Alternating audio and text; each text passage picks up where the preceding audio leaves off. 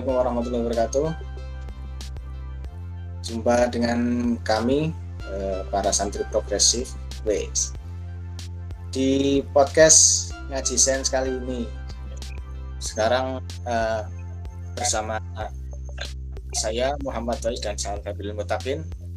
Ini untuk podcast episode pertama di agenda ngaji sains 2 Ramadan 1442 Hijriah atau Ramadan 2021 ini.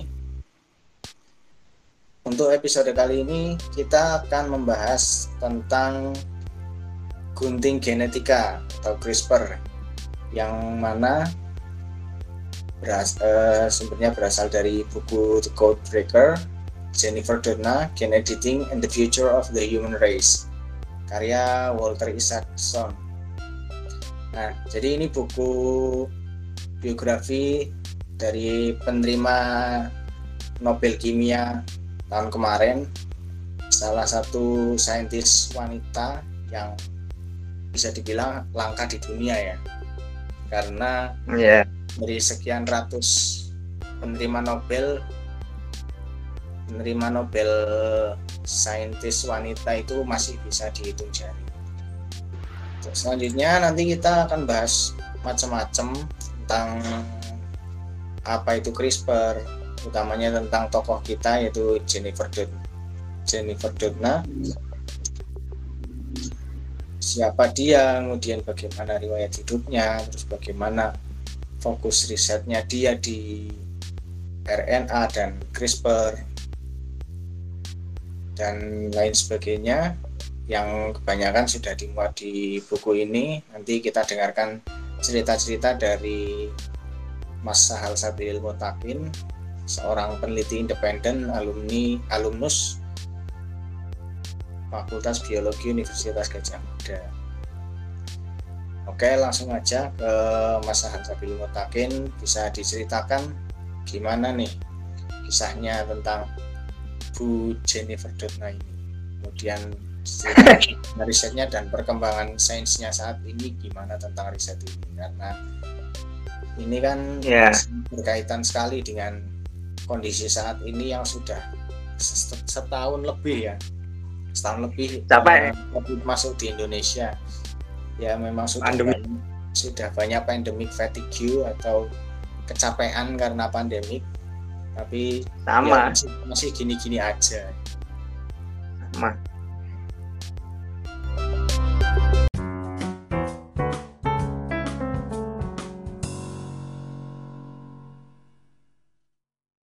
Jadi buku yang kita bahas itu judulnya The Code Breaker, Jennifer Donna, Gene Editing and the Future of Human Race.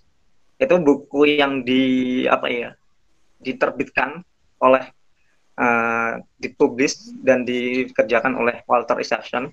Walter Isaacson itu penulis biografi terkenal salah satu terkenal di dunia ya yang menulis tokoh-tokoh inovator di dunia kayak Albert Einstein, Leonardo da Vinci, kemudian Steve Steve Jobs dan para inovator lain.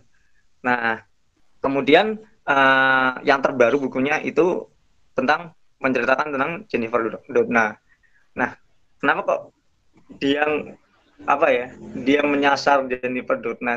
Karena pertama dari segi inovasi, inovasinya, inventornya itu sangat revolusioner bahkan bisa disebut sebagai uh, apa ya penemuan uh, revolusioner uh, abad ke-21 paling revolusioner di abad 21 yaitu CRISPR.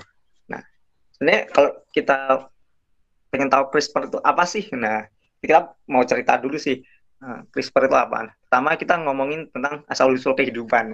Kalau di di agama Islam asal usul kehidupan itu ya. Langsung ya diciptakan Nabi Adam dan Ibu Hawa manusia itu kan. Terus tapi sebelumnya bumi sudah ada dihuni oleh makhluk lain.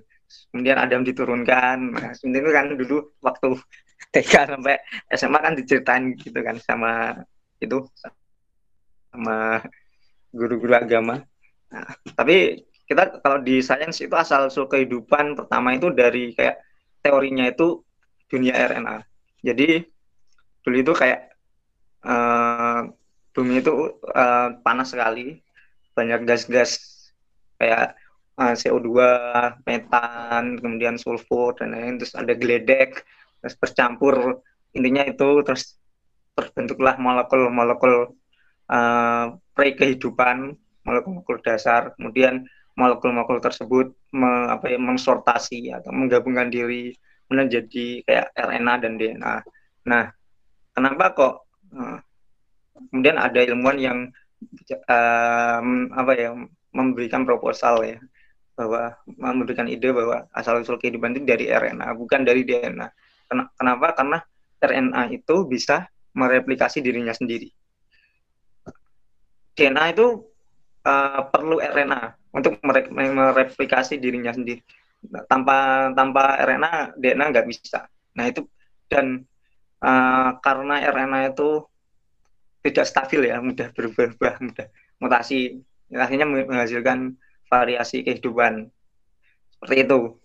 Nah, kemudian uh, kita berlangsung ke nanti tak korelasikan ke Jennifer Dotnanya. Nah, nah terus kemudian uh, sebelum sebelum penelitiannya Dotna itu uh, banyak penelitian pondasi-pondasi di bidang life science ya, di bidang biologi dan kedokteran itu ditemukan di paruh uh, dua abad ke-20. Nah, yang uh, abad sebelumnya kan itu kan Mendel sama Charles Darwin itu kan yang Mendel yang Mendel yang menentukan apa ya cara persilangan makhluk hidup uh, penurunan uh, sifat uh, antar makhluk hidup antar satu generasi ke generasi lainnya dengan Charles Darwin ngomongin tentang evolusi uh, evolusi uh, apa spesiasi makhluk hidup dari satu spesies uh, menurunkan spesies yang lain melalui evolusi perubahan yang uh, gradual dan melalui seleksi alam mendapatkan sifat-sifat yang menguntungkan. Gitu. Nah, di paruh abad ke-20 itu ditemukannya struktur DNA sama terus pahaminya bahwa dulu itu orang mikirnya promo, uh, protein yang sebagai uh, unit uh, kehidupan ya yang menurunkan sifat tapi ternyata ilmuwan abad ke awal abad awal abad ke-20 itu menemukan bahwa ternyata kromosom di dalam kromosom itu ada DNA. Nah, itu yang jadi unit um, pewarisan sifat. Nah, kemudian tahun 53 itu ya itu uh, Watson, James Watson, Francis Crick, terus kemudian Rosalind Franklin uh, dan Wilkins dan kawan-kawan itu menemukan struktur DNA. Tapi uh, memang kontroversial sih karena sebenarnya kan yang ahli kristalografi untuk menemukan nanti menemukan struktur DNA kan kalau pengen tahu struktur suatu protein atau suatu senyawa itu kita perlu kristalografi. Nah itu penting. Ini nanti ada korelasinya korelasinya dengan Jennifer Doudna juga. Itu penting banget. Jadi kita struktur suatu molekul. Makanya kalau bikin obat itu kan ada pakai simulasi komputer dulu kan ini nempel nggak nah, misalnya obat untuk covid nempel nggak ke virusnya ngeblok ngeblok proteinnya enggak nah itu nah dulu itu uh, sampai sekarang sih jadi kristalografi itu penting makanya di Imperial ya Imper di Kings di Kings itu bukan Imperial di Kings College itu kan yang labnya Wilkins sama Rosalind Franklin itu dia men, apa ya meriset tentang struktur DNA nah yang menyempurnakan teorinya berdasarkan perhitungan matematis yaitu si uh, Watson sama Francis Crick. Nah, tapi dia agak tricky sih kayak dia nyolong dat apa nyolong data ya. Uh, ngambil datanya Rosalind Franklin tanpa izin terus dianalisis gitu. Akhirnya kontroversinya di situ terus dianggap Watson itu misoginis, terus seksis gitu-gitu. Nah, dan memang dia kayak anti sama prestasi perempuan sih. Nah itu mulai sih. Nah itu zamannya Rosalind Franklin di mana perempuan masih di, di, di bidang keilmuan yang di bidang sains masih dipinggirkan gitu. Dan sampai sekarang juga sih, tapi lebih parah zaman itu. Kemudian, nah kemudian uh, Dotna, Dotna itu uh, ayahnya sebenarnya kayak dosen dosen bahasa ya. Dosen filologi kayak kalau nggak salah dosen bahasa. Kemudian ibunya guru aja orang-orang orang-orang kelas menengah lah kelas menengah. Kemudian uh, dia lahirnya di Washington sih tapi kemudian ayahnya kan dapat keterima di Universitas Hawaii kan Hawaii itu terus dia hidup di sana. Kan di Hawaii kan banyak alam ya, ya main-main di alam naik gunung ya kayak anak-anak biasa lah. Kemudian suatu saat tuh ayahnya masih hadiah sih kayak bukunya The Double Helix karya James Madison ya dia, dia, dia ini buku paling salah satu fenomenal sih bukunya. Jadi dia uh, James Madison men menceritakan bagaimana dia menemukan menemukan uh, ah, DNA itu struktur DNA itu. Uh, kemudian jadi buku itu Jennifer Doudna itu terinspirasi terinspirasi bahwa aku pengen jadi ilmuwan gitu pengen jadi saintis. Tapi di sekolahnya itu kayak udahlah uh, cewek itu jadi guru aja gitu jadi ibu rumah tangga aja jangan jadi ilmuwan. Nggak cocok cewek itu jangan ilmuwan. Nah itu kan yang ngomong itu gurunya. Gurunya itu American Jep Japanese. Jadi uh, orang Amerika keturunan Jepang gitu lah. Yang dia gurunya kayak migrasi sebelum Perang Dunia Kedua. Jadi dulu kan ada migrasi besar, salah satu migrasi ya. Orang-orang Jepang sebelum Perang Dunia Kedua ke Amerika. Waktu Perang Dunia mereka di kayak ditempatkan di penampungan biar dianggap biar tidak dianggap bekerja sama dengan uh, kaisaran Jepang. Ya, itu cerita sih. Terus kemudian Dutna ngambil S1 di uh, Pomona College. Pomona College itu kayaknya di mana ya Pomona College itu kayaknya di bukan di Hawaii sih bukan di Hawaii kalau nggak salah di California kalau nggak oh oh iya ya Fremont Fremont jadi di California benar di California.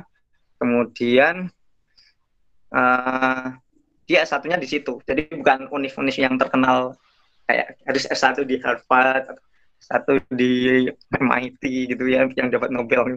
Jadi univnya biasa sih. Kayak univ untuk sains gitu sih. Sama art. Apa ya? Liberal art. Liberal art kayak FIB gitu. Terus kemudian kalau di sana sistemnya S1 langsung ke PSD jadi nggak tahu sih aku sistem Amerika tahun 80-an itu. Jadi dari S1 langsung PSD nah dia ngambilnya di Harvard sih. Harvard University baru dapat Harvardnya di BSD-nya kemudian dibimbing oleh Jack Sozak. Jack Sozak itu orang apa ya Amerika keturunan Polandia ya.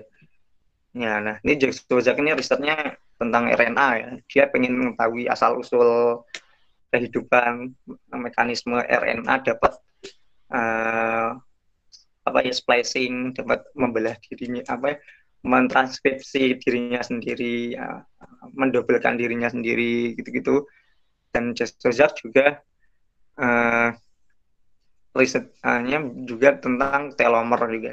Nah, dia dapat tampilnya tentang telomer. Jadi itu kan kromosom kan di dalam kromosom itu kan ada ujungnya ya yang ikat biar integrit integritas kromosomnya itu terjaga. Makanya kalau orang tambah tua itu telomernya itu semakin memendek. Artinya uh, integritas selnya itu bisa cepat rusak seperti itu.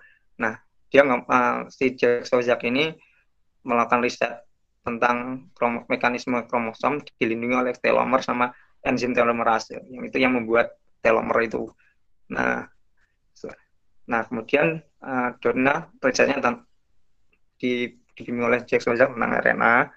Kemudian dia pengen sebenarnya ini risetnya basic banget sih soalnya apa ya uh, itu bukan bidang yang seksi gitu kala itu orang udah ngomongin protein kemudian uh, rekombinasi gen gitu-gitu terus orang kok pengen mendalami bidang yang nggak seksi banget ya RNA gitu ya. Nah uh, akhirnya si Dokna ini uh, setelah, setelah lulus PSD-nya itu ke Thomas Cech.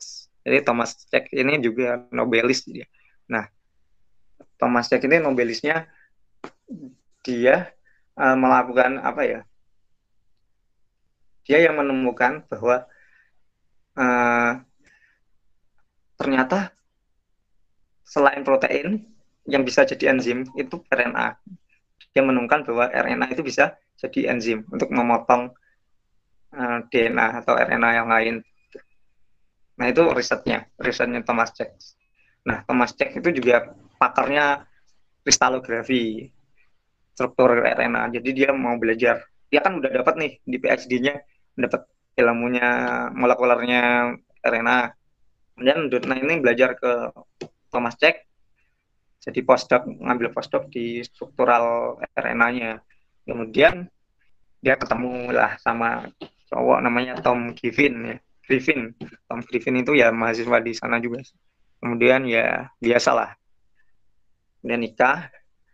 Kemudian nikah. Nikah. Terus kemudian kan di Colorado kan. Dia Thomas Cech itu. Univnya University of Colorado kan kemudian tapi nggak cocok sih uh, Thomas Jack sama eh Thomas Jack Tom Griffin sama Donna. Donna itu pengennya jadi akademisi gitu pengennya. Jadi akademisi dengan Tom Griffin habis PhD itu dia pengennya jadi usaha. Terus mereka nggak punya waktu gitu loh kayak perbedaan prinsip gitu. Kemudian ya udah pisah. Terus kemudian Donna juga ngerjain proyek sama mahasiswa nya Tom Jax, Jamie Cathy. Ini Jamie Cathy. Akhirnya yang akhirnya jadi suaminya, suaminya setelah cerai sama Tom Griffin. Nah, nah kemudian di Yale juga dia anu risetnya tentang ribosim yaitu RNA yang berguna sebagai enzim bukan sebagai pengkode uh, pesan dari apa basat nitrogen dari DNA. Nah, kemudian uh, pada awal tahun 2000-an itu uh, sudah mulai fondasi CRISPR itu ada. Sebenarnya tahun 85 kalau nggak 86 itu Izuno dari Yokizunu Izuno Izuno ya Izuno San itu dari Osaka University itu dia yang menemukan uh, kok uh, di E. coli itu ada uh, sebuah genom yang itu dia terulang terulang tapi ada dipisahkan oleh gen yang unik. Tiap ulangan uh, tiap ulangan satu ulangan itu dipisahkan sama uh, gen yang unik. Nah pada E. coli tapi itu masih belum kepikiran. Terus ada ilmuwan Spanyol namanya Francisco Mojica dia yang disebut nanti sebagai the father of CRISPR Bapak CRISPR itu dia Francisco Mojica. Nah dia menemukan fakta bahwa uh, sekuen virus yang disebut spacer itu ditemukan menyela sekuen genom yang terulang pada bakteri itu dia dia menerkannya pada dengan anu sih membandingkan sekuens sekuens yang sudah uh, diinput di database-nya. Jadi dia pakai riset bioinformatik kemudian sama dibuktikan dengan riset di web lab-nya. Kemudian, nah dia yang memberikan nama cluster uh, clustered regularly interspersed short palindromic repeats. Cluster ya, cluster uh, uh, yang yang reguler uh, dipisah, uh, dipisahkan oleh space, space-nya itu gen kecil, short itu kecil, uh, gen gen yang pendek, yang pendek Nah, nah cluster itu repeat uh, cluster itu yang repeat itu berulang. Nah, itu sih uh, arti dari CRISPR itu secara harfiah. Kemudian pada tahun 2006 2006 2007 itu ada ilmuwan di perusahaan swasta dan penulisan yogurt itu namanya Rode Berango sama Philip Hurvat. Keduanya orang Prancis dia, dia menemukan bahwa Streptococcus thermophilus itu itu kan anu ya uh, salah satu starter yogurt ya. Jadi Streptococcus thermophilus itu uh, mampu menetralisasi serangan bakteriofag pada CRISPR. Jadi dia bandingin ini dia bandingin kalau uh, gen pada si Streptococcus thermophilus itu uh, uh, ada uh, kena serangan virus dan mereka bisa survive, dia uh, dia menyimpan sequence yang mirip dengan sequence genomnya virus. Nah, nah kemudian uh, yang nggak yang nggak punya uh, yang nggak punya sequence virus itu dia mati. Nah kemudian kemudian di uh, apa sek, uh, bakteri yang punya sequence virus tersebut kemudian diberi uh, virus jadi diintroduksi virus. Apakah dia bisa bertahan hidup? Nah ternyata yang punya sequence virus bakteri yang punya sequence virus itu dia bisa bertahan hidup. Nah, itu menariknya. Nah akhirnya dia menemukan bahwa ini loh fungsinya CRISPR itu kayaknya dia menerasi serangan jadi kayak sistem imunnya sistem imunnya bakteri dalam melawan virus itu CRISPR. Dan nanti kalau ada virus lain dan dia bisa bertahan itu sekuensinya itu nanti disimpan di uh, di cluster cluster genom yang bernama CRISPR gitu kan CRISPR array gitu kan. Nah nah kemudian setelah itu ditemukan nih protein. Uh, ini kan kalau CRISPR itu sebagai sistem imun ya sistem imun bakteri ya. Nah, itu kan sudah berjuta-juta tahun kan jadi pertarungan antara virus dan bakteri gitu kan. Nah nah pasti ada proteinnya protein yang berfungsi untuk uh, memotong uh, eh, DNA virus eh, atau RNA virus sehingga tidak bisa menghancur apa ya tidak bisa bereplikasi di bakteri dan menghancurkan bakterinya. Nah, itu ada nah, akhirnya penemuan tentang itu ada namanya akhirnya CRISPR protein Cas CRISPR associate itu sebenarnya panjangannya ya, protein. Nah dan ini enzim ini uh, fungsinya untuk memotong sekuens virus. Uh, uh, akhirnya terus kemudian men, uh, segmen itu uh, dipotong akhirnya virusnya nggak bisa menginfeksi.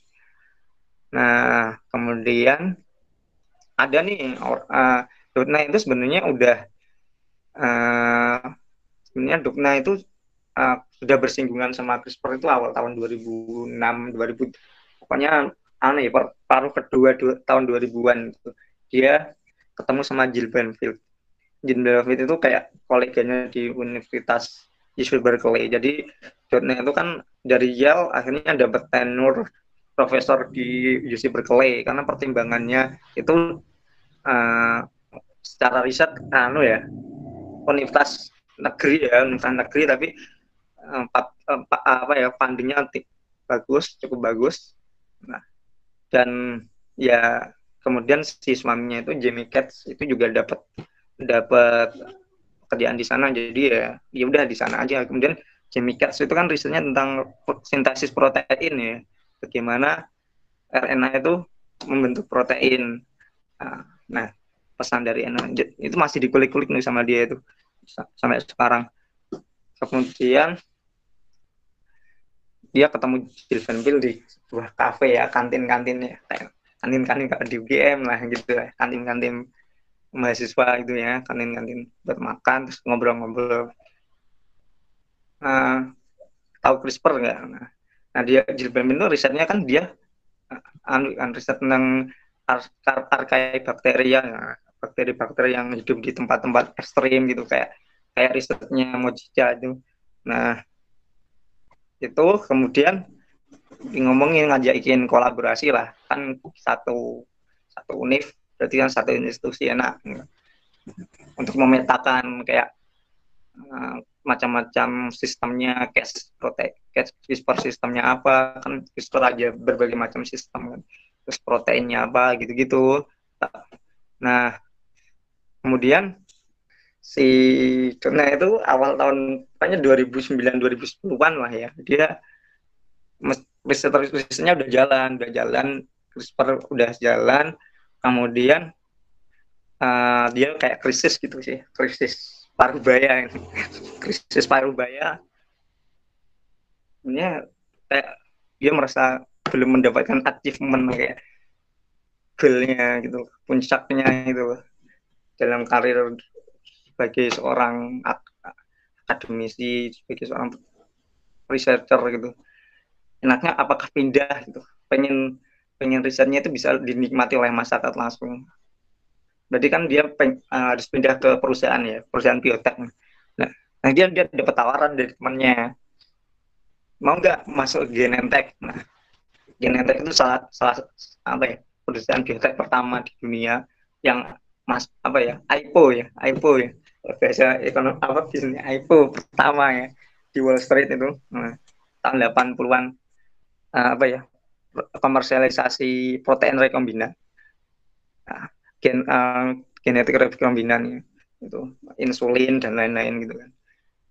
Kemudian dia dapat ajakan udah mau ini udah mau uh, ah, MOU ya tanda tangan kontrak kerja.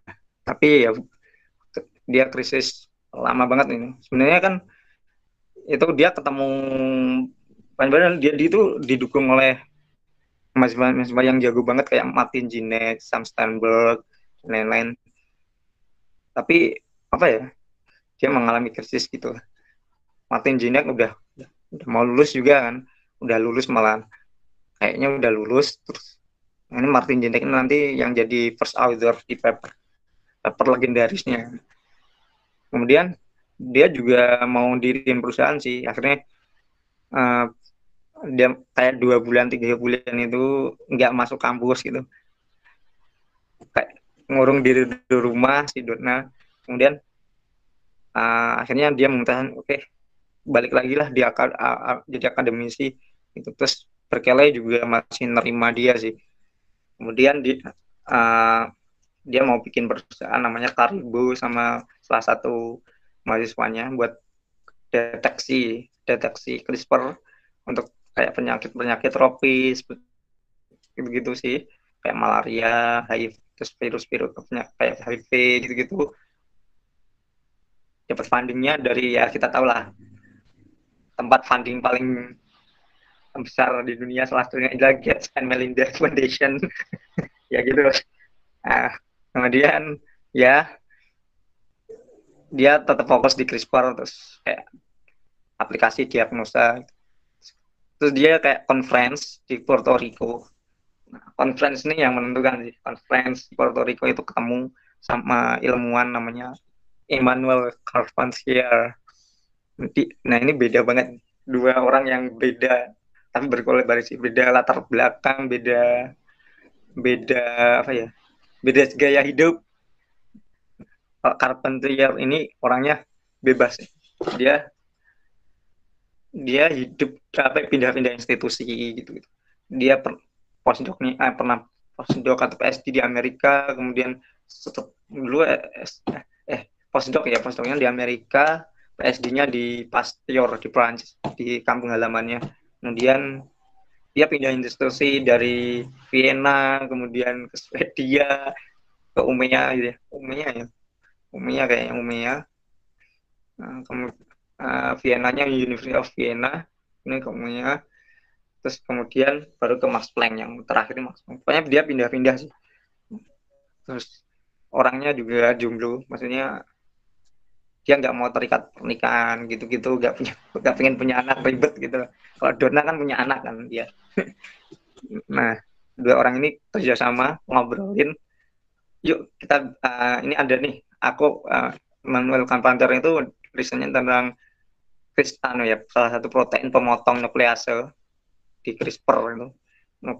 Nuklease itu kayak pemotong di DNA nah tas namanya Cas9 nah pada bakteri Streptococcus pyogenesis. Tadi kan uh, Streptococcus uh, thermophilus itu kan pada keju ya untuk yogurt.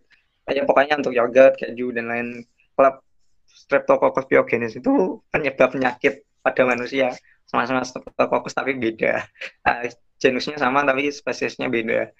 Nah, tapi Streptococcus pyogenes itu punya enzim pemotong efektif namanya CRISPR uh, Cas9. Nah, selain itu tahun sebelum sampai per 2011-nya Carpentier itu dia kan ketemu donor tahun 2011 ya kayaknya 2011 itu dia menerbitin tentang penemuan transactivating CRISPR RNA. Kalau disingkat tracer RNA, jadi dia itu kayak uh, eh, RNA yang fungsinya untuk mengaktifkan atau mematurasi. Apa yang mematurasi itu kalau bahasa Indonesia mematangkan ya, mematangkan CRISPR RNA. Nah, nanti kan uh, kalau kita bahas CRISPR kan ada namanya sequence, terus ada CRISPR anu cas protein, sequence yang akan mengkode cas uh, protein kayak Cas9, Cas12, Cas13 dan lain-lain. Kemudian ada spacer uh, apa? Spacer sama repeat. Nah, repeat dulu terus spacer, repeat, spacer, repeat, spacer. Nah, nanti yang dikode jadi CRISPR RNA itu yang uh, yang spacer repeat ini nanti dikode terus yang spacer inilah nanti yang jadi CRISPR RNA. Nah, CRISPR RNA ini nanti uh, di diaktifkan atau dimaturasi oleh uh, tracer RNA.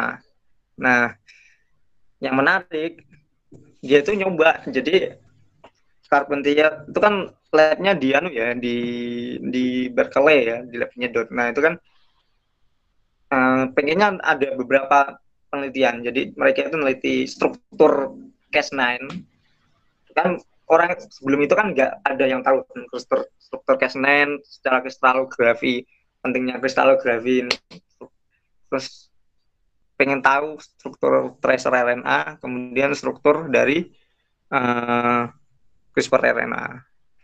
Nah, mereka uh, melakukan kristalografi ketika ketiga ketiga uh, komponen molekuler ini. Kemudian setelah itu mereka melakukan apa ya uh, bagaimana CRISPR ini bisa memotong DNA. Nah, mereka nyobanya gabungin CRISPR RNA sama uh, sama Cas9 oh ternyata kok nggak berhasil gitu. Ini ada yang kurang ini.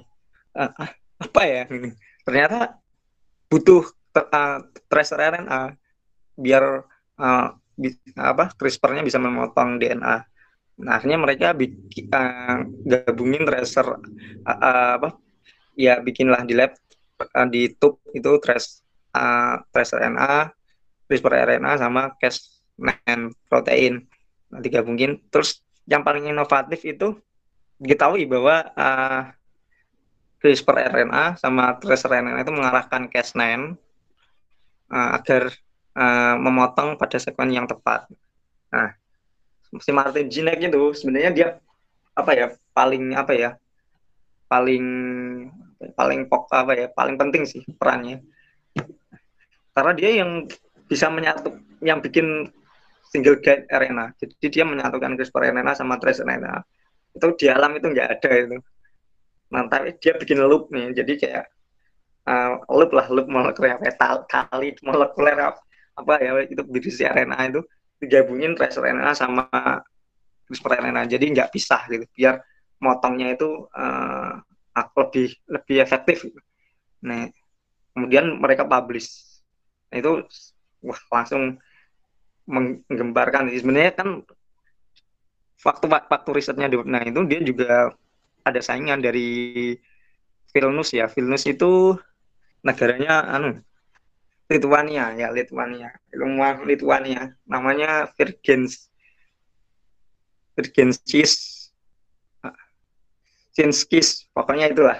Jadi susah banget tuh ngejanya orang Lithuania nah dia juga menemukan bahwa CRISPR ini buat gene editing ini bisa nih.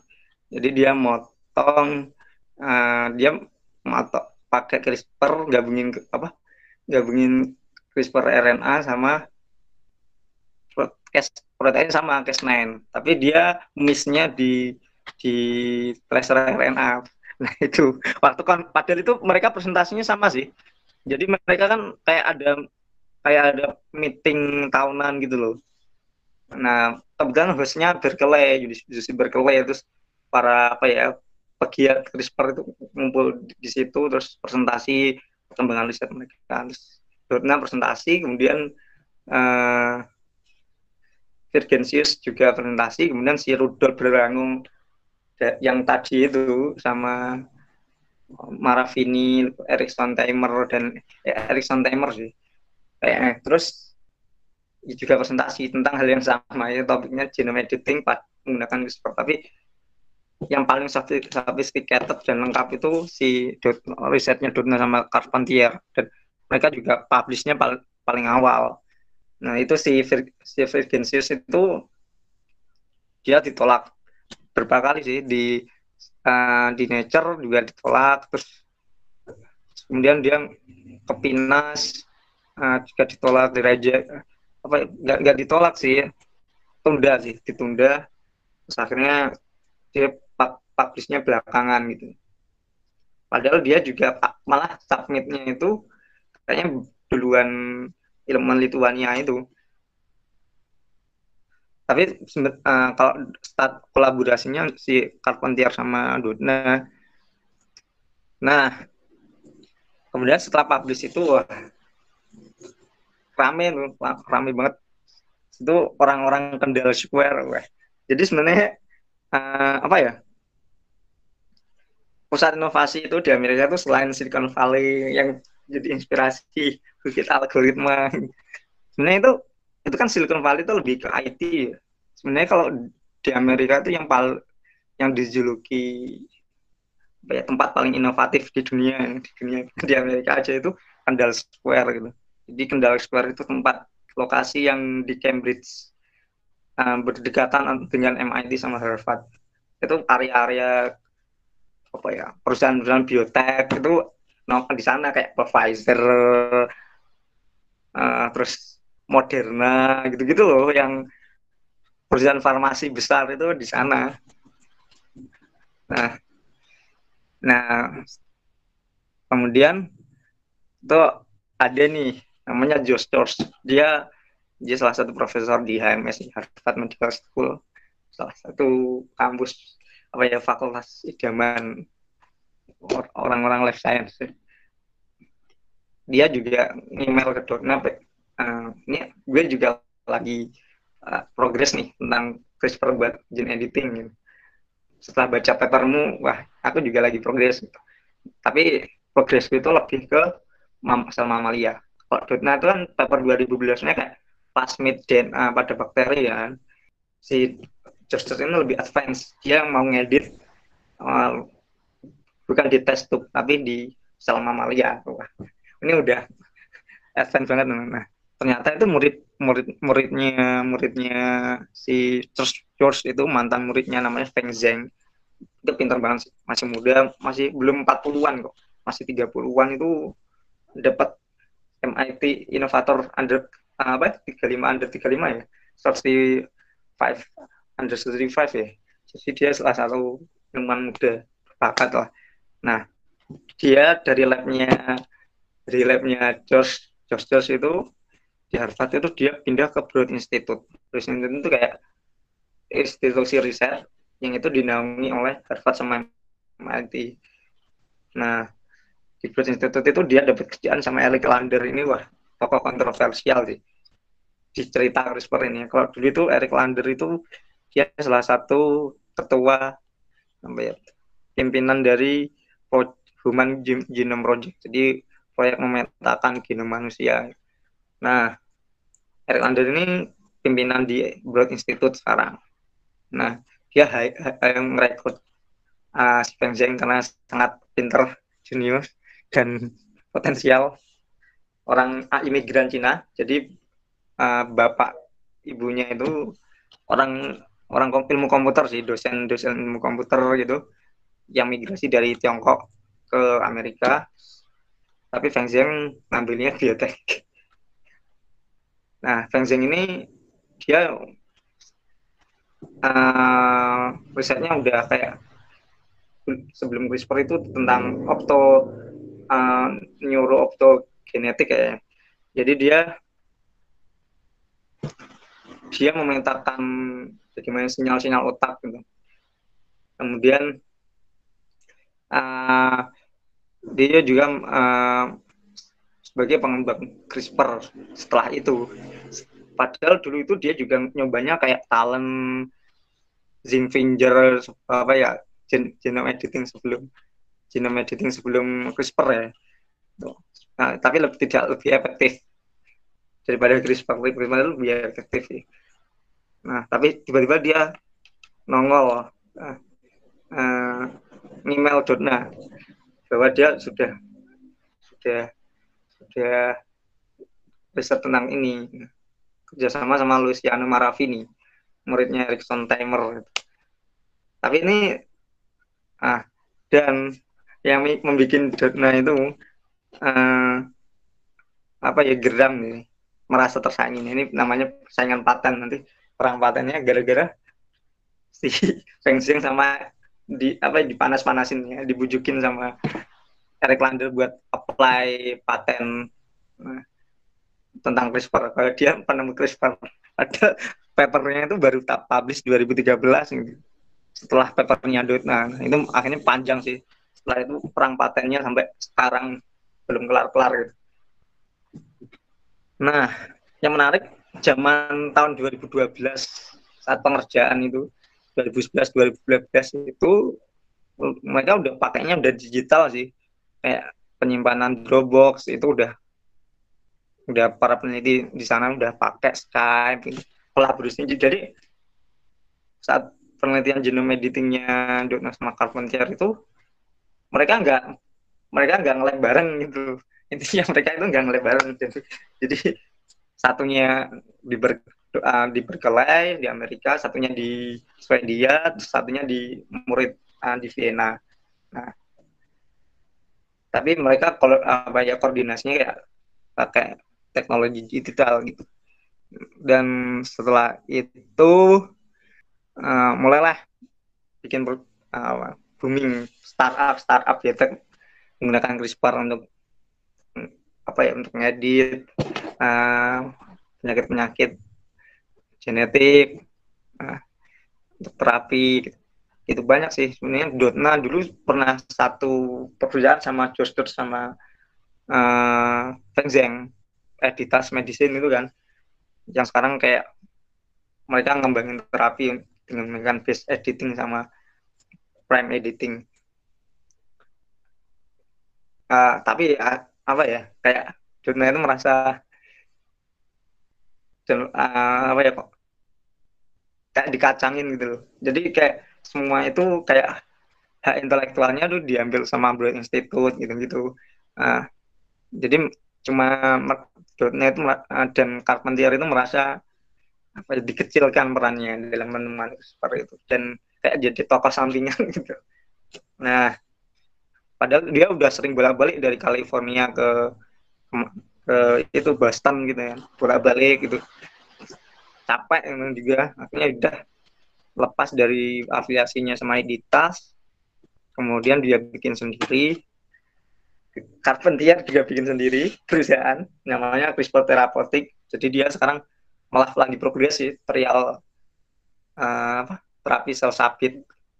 Ya, jadi dia ngedit sel sel sel sum, sum tulang belakang biar normal gitu. Sel darah putih uh, darah, darah merahnya biar normal. Kemudian di dimasukkan lagi ke tubuh pasien agar bisa memproduksi sel darah merah yang normal. Nah, kemudian Dona bikin Mammoth Bioscience, kemudian Feng Zheng bikin Sherlock, Sherlock ya, Sherlock Bioscience. Nah, mereka kalau di COVID mereka anu sih sekarang lebih lebih kolaboratif sih. Jadi mereka publish protokolnya, jadi nggak nggak mikirin paten sih kalau mereka sekarang toh yang dapat Nobel sekarang siapa? Dona sama Carpenter. Padahal kalau penghargaan sebelum Nobel itu kayak Tang Prize, Breakthrough Prize, Gardner Prize, apa Japan Prize, lain-lain itu pasti terus sebenarnya kayak pasti yang dapat Dona sama Carpenter. Terus kalau orang ketiganya pasti beda-beda kayak ketiganya kayak Martin Jinek pernah dapat, terus Philip Horvath sama Rudolf Bengango pernah dapat tapi pasti yang yang uh, ketika mereka dapat pasti Donna sama Carpenter yang dapat kemudian Tang dan lain-lain Feng Zheng gitu-gitu dapat George George kalau George George itu dia pengen apa ya menghidupkan kembali mamot dengan CRISPR jadi risetnya itu kayak dia pengen bikin menyusun kembali jin jinnya mamot. Nah, itu kemudian merekonstruksikannya dengan menggunakan genomnya gajah. Gajah Asia kayak ini dipakai. Nah nanti nah biar uh, kemudian si mamutnya nanti dilepas di kutub utara. Jadi uh, di, di utara dan Siberia ini. Nah. Jadi nanti mamutnya bisa melindungi permafrost. Nah perma, ketika permafrost itu kan uh, dalamnya ada karbonnya ya. Uh, uh, cadangan karbon terbesar. Uh, uh, di dunia. Wah, itu untuk menjaga itu. Nah, nah kemudian itu wah itu ada bukunya sendiri dan Joseph emang ya risetnya pasti lang anu sih dia top salah satu top itu sekarang yang tapi nyantrik juga gitu pernah kalau sekarang kita ribut-ribut terawan bikin vaksin dendritik itu Josh itu pertengahan 2020 udah bikin vaksin sendiri tuh di suntik suntikan sendiri. Nggak tahu tapi DIY DIY vaksin kan gitu. Nyantrik banget orangnya. Nah kemudian si Walter Isaacson si pengarang ini bahas, bahas diskusi yang cukup aneh sih cukup pelik juga sih tentang etika misalnya orang diedit apakah ketika kita diedit dan kita menjadi manusia yang misalnya manusia super atau manusia yang tanpa kebal penyakit kebal covid kebal virus lah kebal penyakit nggak sakit gitu apakah kita jadi manusia yang sekarang gitu manusia yang bisa bersyukur bisa memaknai kehidupan hmm. Jangan-jangan mutasi gen itu membuat kita lebih manusiawi. Gitu. uh, membuat kita bisa memaknai sebuah kehidupan. Daripada kita kayak sehat gitu. Sehat dan kebal penyakit misalnya. Nah kemudian tahun 2018 ya akhir November itu ada kejadian ramai banget di dunia itu Hejin Kaoi Jin Kaoi jadi uh, seorang ilmuwan Tiongkok. Dia biofisis ya. Biofisika ilmuwan biofisika. Itu melakukan pengeditan genom pada embrio. Embrio uh, dari dari uh, bapak yang memiliki penyakit HIV. Nah, kemudian embrio itu diedit sehingga selain di uh, apa ya, selain dilepaskan penyakit apa virusnya ya, itu. Kemudian juga reseptor untuk uh, nempel virusnya virus HIV itu kan juga kayak corona kan nempel di reseptor punya reseptor sendiri di sel itu dihapus gen yang mengkode reseptor itu. Nah itu terus diimplan ya biasalah bayi tabung terus embrionya diimplan ke tubuh tubuh uh, ibunya lagi terus lahir kan.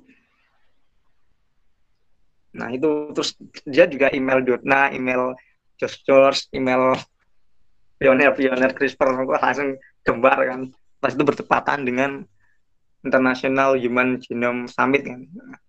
Gameland Editing International Human Gameland Editing Summit di Hong Kong kemudian ya kita tahu di beritanya Hejinger diundang suruh presentasi. Wah sebelum itu sebelum presentasi itu dia dicecar banget sama David Baltimore salah satu nobelis dan ilmuwan molekuler sama Dona kok kamu bisa melakukan ini pertimbangannya apa? Apa nggak takut mozaikisme nggak takut off target gitu gitu mozaikisme itu kayak kita mengedit sel atau embrio lah.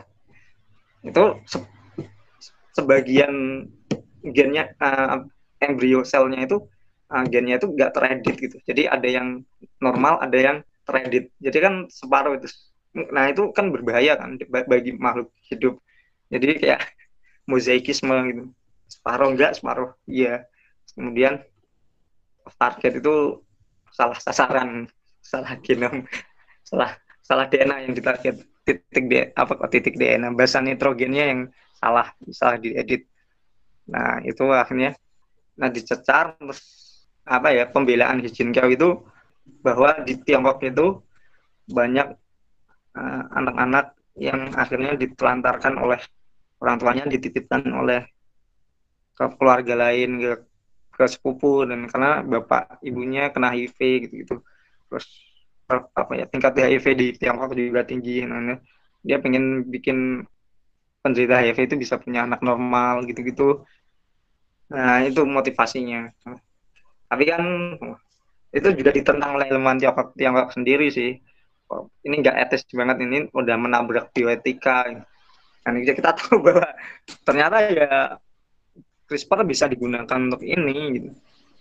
Putin sendiri pernah ngomong kalau bayangkan dunia kalau punya tentara bisa cerdas banget bisa bikin negara bikin tentara super gitu gitu kayak Marvel Universe. nah, itu sebenarnya kan apa ya novel lama kan tahun 30-an kan ada novel lama kan The Brave New World itu kan itu kan juga menceritakan itu dengan dunia dengan manusia kelas kelas normal sama enggak ya kelas normal kelas super sama enggak ya manusia yang editan menempati strata tertinggi gitu gitu sama Orwellians kalau Orwellians itu kan yang 1984 ya. Yang itu kan lebih digital surveillance ya. Bisa jadi sekarang ke depan tuh genetic surveillance itu lebih mengerikan sih. Karena apa? Ketika negara atau perusahaan punya data genetik kita, wah itu kayak informasi paling penting dari hidup kita bisa dipetakan kayak penyakit apa, kemudian uh, potensi penyakit apa, terus kita alergi sama apa itu bisa bisa anu, bisa dipetakan nah, itu, itu bahaya banget itu. Terus biometrik itu nah yang bisa kita pelajari dari dot nine itu, itu kegigihan dan konsistensi sebagai ilmuwan tentu ya. Itu penting karena kalau kalau enggak ya enggak seperti dia sih konsisten terus dia orangnya terbuka. Kalau ngerekrut pinter banget sih yang rekrut tim itu pinter banget. Tapi dia kerjanya tetap tim player kemudian dia detail oriented meskipun dia nggak nge-lab misalnya dia mesti nanyanya detail banget ke mahasiswanya kolaborasi dia open kolaborasi bahkan sama saingannya juga dia kolaborasi coba kalau putar videonya waktu dia dapat Nobel dia pasti nyebutin sumbang si koleganya, koleganya, keluarganya, temannya dengan rendah hati dan dengan disertai humor gitu. Jadi dia kayak kalau di Jawa itu grafia gitu. Jadi dia mengakui bahwa dia kok nggak nggak bisa seperti ini tanpa orang-orang yang ada di labnya kayak asisten labnya yang memanage memanage labnya gitu. Mahasiswanya kayak Martin Jinek gitu tanpa dia kan CRISPR gak bisa seperti sekarang gitu. Teman terus keluarganya kayak anaknya suaminya dan lain-lain. Ini juga membuktikan bahwa kalau, kalau perempuan dikasih apa ya kesempatan yang sama kan bisa bisa melampaui pria, pria juga gitu. Makanya potensinya itu sama gitu. Bahwa yang merevolusi dunia bioteknologi itu ini perempuan dari penemuan struktur DNA gitu Rosalind Franklin itu kan tokoh kuncinya ya. kemudian sekarang di abad 21 ada CRISPR itu kan Carpentier sama Dutnay yang yang sangat memiliki peran ya. Kayak nilai-nilai luhur bagaimana dia belajar juga anu sih penting juga sih dipelajari. Kemudian Watson di bukunya Watson itu juga nyinggung dengan potensi RNA sih. Ya sekarang kan pembuatan vaksin juga pakai RNA kan. Yang paling efektif yang dianggap advance itu kan RNA itu kan juga penemunya kan Katalin Kariko kan seorang Hungaria yang sekarang jadi first, first, pre, uh, first presidennya di itu sih uh, salah satu petingginya ya tingginya di BUMN uh, dan dia kerjasama sama West orang orang Amerika Westman dan sekarang dia juga ngajar di UPenn Universitas Pennsylvania. Nah ini menariknya. Jadi malah justru yang yang revolusioner tuh banyak kan perempuan malah. Dan ini menyik, juga Dutna juga memberikan teladan ya menyikapi ada tokoh sesepuhnya yang melakukan komentar-komentar yang menyalahi sains. Kayak James Watson yang rasis banget ya dia mengomentari bahwa orang kulit hitam itu memang bodoh gitu loh. Maksudnya kecerdasannya itu di bawah orang kulit putih. Kan dikecam banget. Sampai labnya di apa di Harbor ya. Di Harbor itu Cold, Cold Harbor ya itu dia sampai uh, apa ya uh, mereduksi ya peran Watson sampai Watson itu di, dirumahkan juga kan. Ini kalau acara-acara penting seremonial gitu kayaknya nggak dilibatkan gitu. Gara-gara komentar-komentarnya dia dan di buku ini juga nyeritain ya nah, kalau Dorna itu juga sering sih presentasi di Cold Spring Harbor gitu. Jadi dia itu sebenarnya sebelum dapat Nobel itu juga nasabnya ya sanat keilmuannya juga nobelis gitu loh kalau kalau pengen jadi nobelis sanat keilmuannya harus benar gitu. Nah itu pentingnya guru itu di situ juga diperlihatkan gitu. Orang itu dilihat dari siapa gurunya gitu. Hmm, itu penting.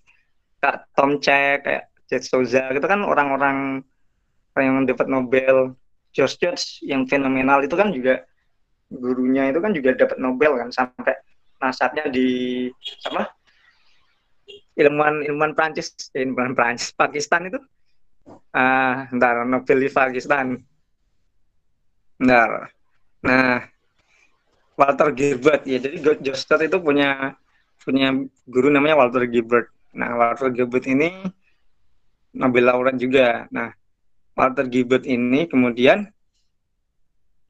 punya guru namanya Abdul Salam jadi ya ini jadi kalau ilmuwan bagus itu nasabnya nasabnya bagus anu pasti nasabnya pasti bagus. Nasab nasab ilmuannya sanat ilmuannya itu pasti ada Nobelnya. Nah, itu. Kemudian uh, ya kita bisa menempatkan sih komentar-komentar. Soal ahli dengan apakah apakah sesuai dengan kita apa tidak sehingga bisa tetap menghormati ilmunya. Jadi di itu memberikan perspektif bahwa kita nggak bisa menilai secara hitam putih. Itu dan buku ini sangat worth it untuk dibaca sih karena apa ya itu, itu salah Maret lalu itu nomor satu itu di Amazon. Apa buku paling laris. Dan memang ini kan eranya emang era biotek bukan berarti um, biotek dalam riset juga tapi produk-produknya yang bakal kayak merevolusi dan meri, apa ya, ya mengimprove dunia digital gitu kayak. Sekarang kan kita bisa tes DNA pakai 23 and me itu kan serta silsilah itu terus kemudian DNA apa DNA data storage gitu-gitu terus sekarang kalau di dunia medis ada CRISPR gitu. Itu kan bisa jadi uh, geologi nanti bisa dinikmati sampai di rumah penduduk masing-masing. Seperti itu. Sekarang kita bisa tanya jawab.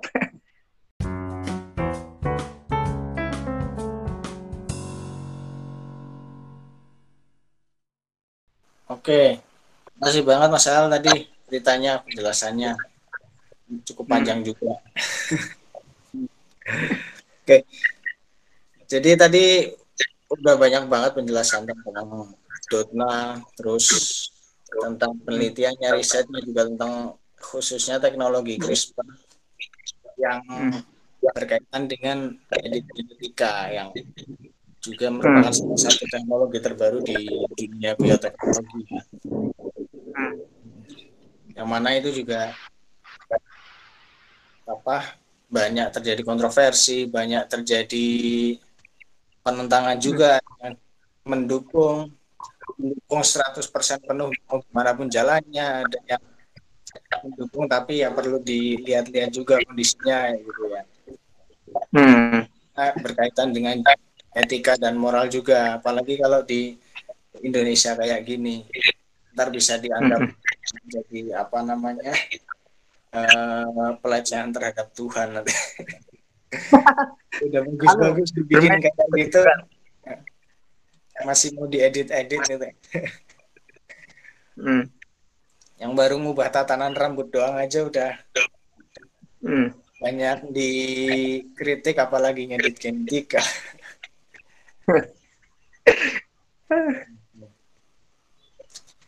oke.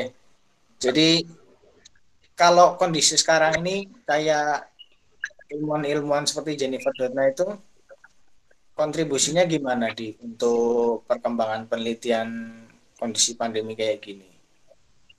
Oh ya, kalau Jennifer Doudna itu kan sama itu kan Mahmud Bayesens kan dia uh, mengembangkan deteksi COVID mm-hmm. yang lebih murah, gitu, yang lebih akurat gitu, selain PCR gitu. Itu sih kalau perannya dia ke diagnosa sama kayaknya dia dapat funding dari dari pemerintah ya Amerika untuk bikin vaksin tapi vaksin berbasis covid. Tapi nggak tahu ini kan masih masih coba-coba ya belum pernah ada juga gitu. Tuh. Jadi ngambang ngembangin standar deteksi baru ya? Ya standar deteksi baru sih. Kalau yang paling tentara sih sekarang ngembangin deteksi baru. Dan dia di, di integrated genomic itu institut itu kan. Hmm. kan dia institusinya kan apa ya bikin tes tes covid gratis ke masyarakat California ini. Bisa seribu seribu sampel per hari.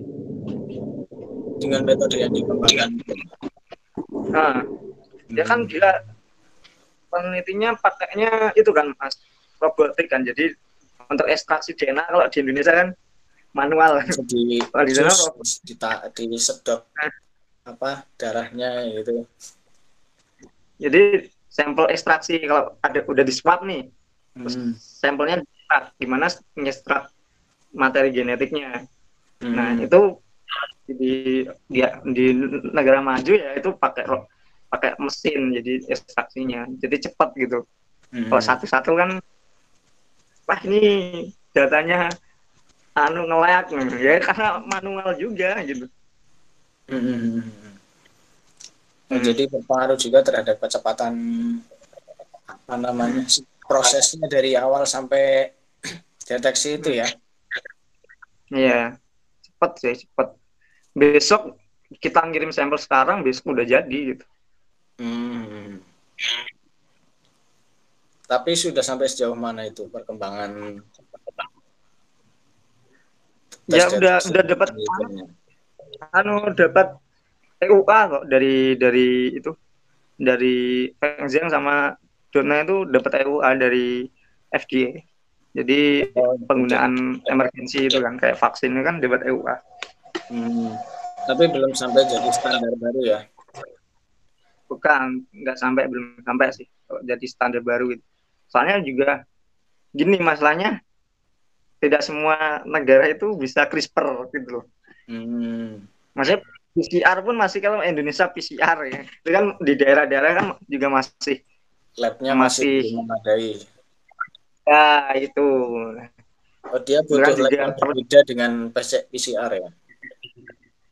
ya pastinya berbeda alatnya juga beda pasti pengetahuan tentang CRISPR-nya juga perlu hmm, wah masih masih jauh ini kita masih baru hmm. mau membangun bukit algoritma belum membangun lab CRISPR hmm. ya katanya Budiman mau bikin bikin biotek juga kan di bukit algoritma hmm. termasuk itu juga berarti termasuk lab CRISPR juga ya pasti dia kan punya ahli CRISPR juga kan gimana aku tahu kok oke oke ya sebenarnya kan sekarang kita ngomongin pandemi ya. Pandemi. Sekarang kan kayak mengubah mengubah kita memahami sains gitu lah sekarang kan kayak perdebatan publik gitu kan sekarang ngomongin ngomongin sains. Hmm. itu menarik sih. Meskipun belum sejauh ngomongin etika CRISPR terus para ulama misalnya para ulama bahas CRISPR. Lo kan orang apa namanya uh, enzim tripsin babi aja masih bingung gambarannya. Belum sampai lagi ngomong iya itu. Hmm. ngakak sendiri itu. Pertanyaan pertanyaannya. enzim babi aja masih mengandung mengandung babi bahasanya. Ini ngomongin CRISPR tapi itu itu bakal itu sih bakal bakal pasti wacana tentang itu bakal datang sih ke kita. Cepat atau lambat sih. Hmm. ya mungkin lambat sih. Saya agak pesimis. Untuk cepat. Ya lambat pasti dipaksa pasti ya. Nggak bisa kan kita terkoneksi pasti. Ya mungkin untuk untuk kalangan-kalangan ilmuwan saintisnya ya gitu ya. Untuk kalangan-kalangan yang memang berkecimpung di dunia itu bisa untuk akselerasi menuju ke sana. Cuma nanti untuk ke hmm. masyarakatnya, karena kita kan juga masih apa namanya pola pikirnya atau cara berpikirnya hmm. secara saintifik itu masih agak jauh. Hmm, ya agak jauh sih, agak jauh. Tapi ya bakal terjadi, gitu, bakal terjadi. Karena yang paling dekat nih, paling dekat ya, yang paling dekat dan langsung keterima masyarakat itu pertanian sih. Produk-produk pertanian yang di ya, edit ya. itu. Apa namanya? Itu yang paling bisa langsung cepat. Hmm. perdebatan kan sekarang GMO kan? Ya yang apa istilahnya yang produk Merasa... pertanian yang di di edit gennya? Istilahnya apa? GMO ya? Ah ya itu. Kalau GMO itu kan kayak dia introduksi gen asing ke, ke tanaman hmm. ke tanamannya kayak buah apa tahan apa Hmm. Tapi kalau dia nggak nggak ngedit nggak ngedit nggak mengintroduksi Bukan gen luar. Hmm. Jadi memperbaiki gen urutan gennya yang sebenarnya yang normal gitu atau mengimprove uh, dengan varietas uh, gen dengan varietas unggul. Gitu. Oh, Tapi persilangan ya, eh, persilangan gennya kayak gitu ya. Iya sebenarnya itu lebih bayan persilangan gen sih sebenarnya kita melakukan seleksi alam tapi lewat molekuler gitu jadi lebih hmm. cepat kalau seleksi alam kayak persilangan gitu kayak Mendel kan butuh bertahun-tahun kalau hmm. evolusi tahun-tahun untuk menghasilkan varietas yang unggul tapi kalau, kalau pakai CRISPR kan di shortcut kita ah. bisa dapat unggul itu cepat gitu. Oke oke. Itu Tiongkok itu pakai itu untuk mengembangkan berasnya. Beras tanaman-tanaman. Pakai itu juga. Dan Tapi kalau di Indonesia regulasi untuk regulasi seperti itu di Indonesia sudah jalan belum? Sudah ada atau belum? Udah udah udah udah ada tapi kan terbatas gitu. Hmm. produk-produk GMO gitu gitu kan masih ya ya ada regulasinya tapi ya terbatas gitu perlu ini kemudian kalau kita ketahui bahwa produk impor kedelai kita kan juga GMO sebenarnya. Hmm. Ya itu yang tidak diketahui masyarakat. Nanti nanti kalau sampai orang-orang tahu, wah kita impor kedelai yang hasil apa rekayasa genetika, nanti kita di hmm. kalau makan kita apa nelen chip yang bisa mendeteksi Hmm. microchip kalau nanochip masih masih anu sih masih masih di masuk di akal sih. Pokoknya kalau yang rekayasa rekayasa genetika itu menyalahi rating alam yang ini. Iya makanya itu. Ya itu sih. Bakal Lebih- kalau- kalau Dotna lebih anu sih sekarang lebih ke anu sih buka dialog etik sih. Etik. Hmm. jadi dia ngundang pakar etik Islam Kristen kayak gitu jadi perspektif karena kan tiap budaya itu penerimaannya pasti beda punya value value yang berbeda tiap negara. Jadi kan kita nggak bisa pakai standar standar barat untuk menerima CRISPR itu atau dan takutnya Dona itu ti- standar standar culture-nya ba- barat kan Yudeo Kristian kan. Jadi kayak menganggap manusia itu baru menjadi manusia kalau pada kehamilan keberapa gitu Hmm. kayak Islam lah ya ditiupkan roh itu di Hmm. eh, di minggu keberapa Betul. kayak agak gitu kan nah kalau Tiongkok kan bisa beda kan Confucius atau apalah ya yang komunis atau apa yang pasti pemaknaan manusia itu pasti berbeda jadi manusia itu saat kapan itu kan juga berbeda itu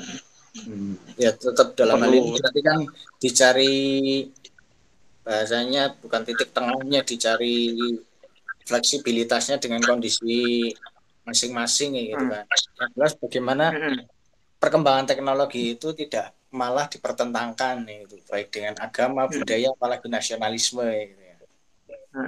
Nah itu Ntar Itu. jadinya kesin Nusantara pasti Antara- Nusantara antara saintifik dengan nasionalisme Iya benar sih. Sebenarnya kan terapi ya sebenarnya personalis medicine itu jadi masa depan kita sih. Jadi ketika kita tahu sequence genom masing-masing penduduk gitu kan, Hmm. nah kita bisa tahu ini dia cocok sama obat apa, Hmm. dia terapi apa gitu. Itu kan tapi sekarang itu kalau bikin personalis medicine itu biayanya pasti mahal Mas Ian. Jadi bukan kalau dibuat generic nggak bisa. Itu kan Ya, namanya selain- personalis medicine. Ya selain nanti faktor biaya nanti di sini ada faktor konspirasi juga. Wah kita mau direkam datanya gennya jadi tidak ada Ya, apa privasi lagi. Kita bisa dilacak di mana pun kapan pun ya. ya itu itu negatifnya pertentangannya kuat. Nah, pertentangannya bisa kuat nanti. ya pro kontranya pasti kuat karena di sana memang benar sih. Itu bisa dipakai negara bisa kayak dijual perusahaan. Dan itu data paling privat ya. Nah, karena personalisme itu. iya data kalau data misalnya dalam medsos itu belum apa-apanya. Kalau data Nah. gen data ini paling privat paling privat di kita di manusia. Nah itu bakal bak- bakal perlu ada regulasi tentang itu di masa depan. Nah Ya harus harus kuat dulu regulasinya baru bisa dijalankan untuk bisa data collectingnya. iya benar Oke. Oke. Nah, karena di sini sudah mulai adzan asar, mungkin kita cukupkan di sini dulu. Kita lanjutkan Iya. lagi ngaji sainsnya nanti di episode kedua. Nanti di depan bersama teman-teman yang lain ada yang mau join Siap. untuk ikut ngaji sains secara live via Google Meet. Nah, nanti Hmm. kita unggah di podcast ngaji sains 2. Oke, Oke. terima kasih atas waktunya. Ya kurang mohon Ya. maaf. Wassalamualaikum warahmatullahi wabarakatuh.